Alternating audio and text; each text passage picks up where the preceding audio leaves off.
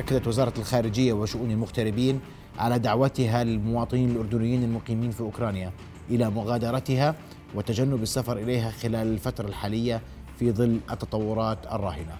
الناطق الرسمي باسم الوزارة سفير هيثم أبو الفول أكد لنبض البلد أن الوزارة فعلت نهاية شهر كانون الثاني الماضي خلية أزمة تعمل على مدار الساعة لمتابعة أوضاع المواطنين الأردنيين والخلية مستمرة مستمرة في عملها بتقييم التطورات وإعداد الخطط للتعامل مع المستجدات أولا بأول.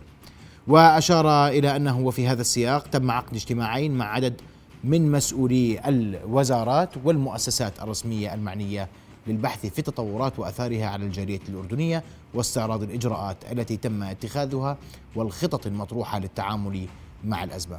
وأضاف أبو الفول أن مركز عمليات الوزارة والسفارة الأردنية في أنقرة المعتمدة لدى أوكرانيا تتواصل بشكل مستمر مع المواطنين الأردنيين المقيمين هناك سواء من خلال الاتصالات أو البريد الإلكتروني. رؤيا بودكاست اذا آه، نتابع في هذا المحور التطورات وارحب بضيفي النائب السابق دكتور محمد أهدي مساء الخير دكتور الورد يا هلا وأيضا معنا عبر الهاتف دكتور كامل عواملي رئيس الجالية الأردنية في أوكرانيا. دكتور كامل مساء الخير. دكتور كامل. مساء الخير حياك الله. دكتور كامل وزارة الخارجية أرحب بك في نبض بلد. بداية وزارة الخارجية طلبت من المواطنين مغادرة أوكرانيا حرصا على سلامتهم ودعت إذا في يعني في أقصى الظروف من أراد البقاء أن يترك المناطق الشرقية ويتوجه إلى المناطق الغربية. مدى تعاون الجالية الأردنية مع هذه النداءات من وزارة نعم. الخارجية. طبعا زي ما تفضلت إنه وزارة الخارجية والسفاره الأردنية حثت الأردنيين من حوالي شهر شهر ونص على عدم القدوم إلى أوكرانيا وعلى عدم آه اللي عنده استطاعة إنه يروح يسافر يغادر أوكرانيا إنه يغادر. آه بس ولكن كانت الأمور جيدة نوعا ما هون حاليا لغاية قبل كم من يوم لضم الاتحاد والاعتراف بلوغانسك ودينسك طبعا هون اختلف الوضع شوية فحاليا الأوضاع تختلف. على الساحة اختلاف بسيط موجود ولكن ملاحظ. آه وأكدت السفارة الأردنية وأكدت وزارة الخارجية إنه من يستطيع المغادرة أن يغادر ونحن بدورنا إحنا آه نعلن أبناء جاليتنا الأردنية عن التطورات وعن الإجراءات المتخذة من قبل وزارة الخارجية والسفارة الأردنية. وطبعا هذا الأمر يعني ألف شخص فقط يا دكتور كامل سجل من أصل 2600 مواطن أردني مقيم في أوكرانيا و727 طالب. فقط ألف اللي سجلوا. هل الجميع بسلامة وأمان ومرتاحين؟ يعني النداء عدد من سجل على الرابط الإلكتروني اللي خصصته الوزارة؟ 1000 فقط من أصل 2600 727 طالب. يعني يعني الثلث تقريبا. آه الطلاب الفترة الآونة الأخيرة قلت قلت أعداد الطلاب قلت كانت عندنا أكثر بكثير وكان يوصل عندنا 5000 طالب في الأيام السابقة بس حاليا في السنوات هاي قلت كثير. الاكثريه المقيمين ورجال الأعمال واللي من حملة الجواز السفر الأوكراني. وزي ما تفضلت حضرتك إنه طلبت الوزارة إنه باجلائهم أو أو بترحيل ليستطيع مغادرة الشرق أوكرانيا أن يتوجه إلى الغرب لأنه الغرب آه نوعا ما أهدى وعلما بانه السفارات الأجنبية تجاوب الأردنيون مع هذه المطالب يا دكتور كامل؟ تجاوبوا مع هذه الرسائل من وزارة الخارجية دكتور كامل؟ آه لو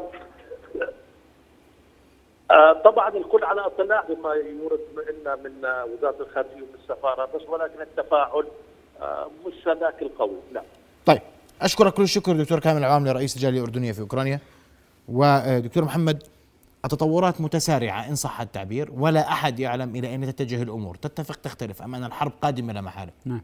رأيك؟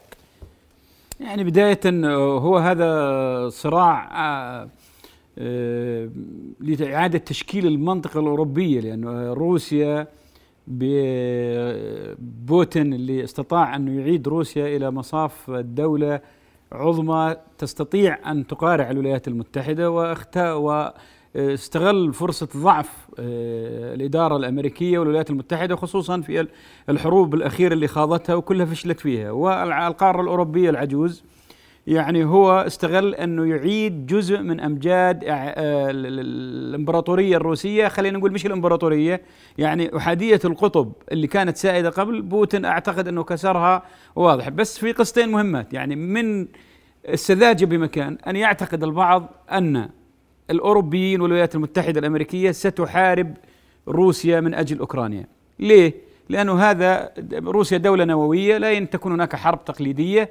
لا يمكن أن يخوض الجيش الروسي والجيش ال ال الأمريكي بالتعاون ال- ال- ال- الأوروبيين والشو اسمه بحرب تقليدية. هذا مستحيل يعني. الحرب إذا حصلت بين الدول العظمى ستكون حرب مرعبة خاطفة وهذا لن يحدث في توازن رعب هناك. أما قصة إنه مع أوكرانيا قصة ثانية مختلفة. أنا أعتقد أنه بالنسبة لبوتين حقق الجزء الأول من خطته وهو أنه دخل دخل قواته على الإقليمين واعترف بالجمهوريتين اللي, اللي هم الانفصاليين اللي فيهم أغلبية روسية. الآن المتوقع يعني اللي راح يصير واللي هو الأكثر احتمالا من ال- القضايا الأخرى. طبعا والدليل يعني أنا راح أعطيك شو الأدلة اللي أنا بحكي فيها. إنه ال- الآن المتوقع إنه راح القوات الروسية اللي وصلت على الحدود على خطوط التماس بين ال- ال- المناطق الانفصالية والجيش ال- الأوكراني لأنه في أكثر من حوالي 40 50% من الأراضي لا تزال تحت سيطرة الأوكرانيين، الجيش الأوكراني اللي هم اعترفوا الروس بانها هذه لازم تكون أراضي للجمهوريات الجديدة. أنا أعتقد سيوجه إنذار لهؤلاء على أنه آه، آه، تنسحبوا منها أول شيء بال- بال- بال- بالأمور بال- بالسلام خلينا نحكي. لكن إذا لم ينسحبوا سيكون هناك عمليات آه، استفزازية قد يحدثها الطرف ال- ال- اللي هو الطرف ال- ال- الانفصاليين من أجل شن حرب لإرجاعهم إلى خطوط التماس.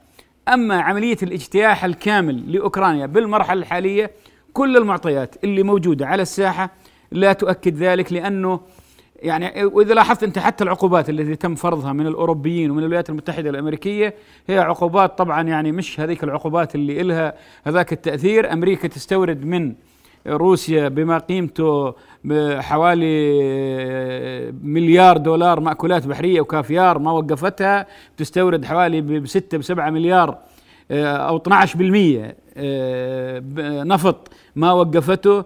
أوروبا تعتمد 40% من غازها من من روسيا وأنت تعرف شو معناته. يعني أنك توقفوا الغاز بده معناته ترتفع إذا روسيا بدها تخسر 20 مليار أو 12 مليار هناك راح يخسروا مئات المليارات من الدولارات. فلذلك هذا التوازن والعملية هاي هي القصة اللي ما بتخلي إنه راح طبعا يصير في بروباغندا سياسية وفي حشد قوات وفي كلام. لكن اجتياح كامل لأوكرانيا بالمعطيات الحالية غير لا أعتقد إنه راح يتم ذلك. لكن آه، راح الدول هذول اللي اعترف بيهن راح يحاول بوتين والقوات الروسية أنه يصل للحدود اللي هو يعتقد إن هذول هن اللي لازم يكون للجمهوريات الجديدة ويفرض أمر واقع. تكون هناك عقوبات يعني شوية مش أقسى من اللي سمعناه لأنه المصلحة ال- ال- ال- الاقتصادية الآن بالمرحلة الحالية ليست يعني الروس صح راح يخسروا بس الخسارة على أوروبا راح تكون أكثر دكتور البعض وال-. كل هاي الأزمة ليش ما يوقفوها وخلص لا لا, لا تدخل هسه أنا. لا هناك في إعادة تشكيل شوف هذه الدول في عندها موازين قوى وإعادة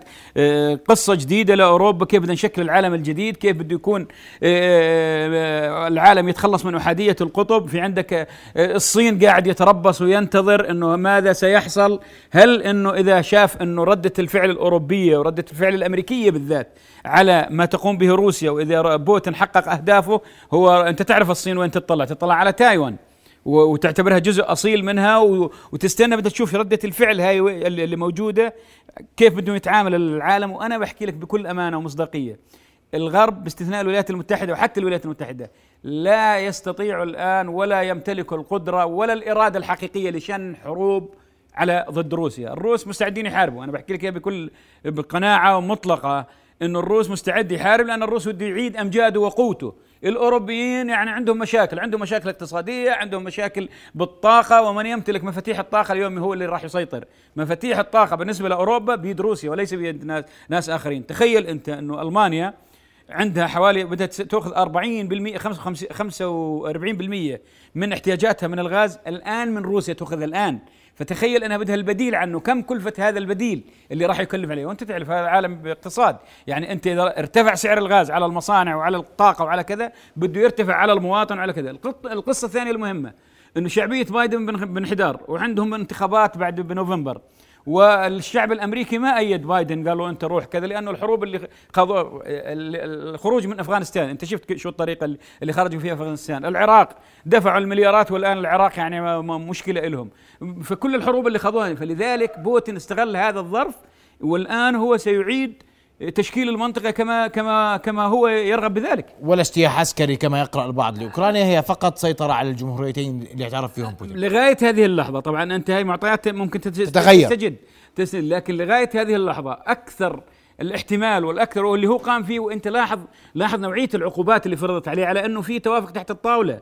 يعني واضح تماما إنه هذا كلام يعني يعني كل التهديد وأمريكا كل يوم بعد 24 ساعة سيشن الهجوم بعد 48 ساعة سيشن ما صار هجوم لا بعد 24 ولا بعد 48 ولا شيء. الآن فرضت أمريكا عقوبات على روسيا شو هي؟ على الوح... على البنك الذي يمول الوحدات التي دخلت إلى الإقليمين هذول فقط. عرفت كيف؟ فهي اللعبة السياسية الدوليه بدي أشكرك كل الشكر دكتور محمد. نرقب المشهد في قادم الأيام. هو ما سيحدد كل شيء. شكرا لك جزيل الشكر. العفو. وديب شرفت بحضورك رؤيا بودكاست.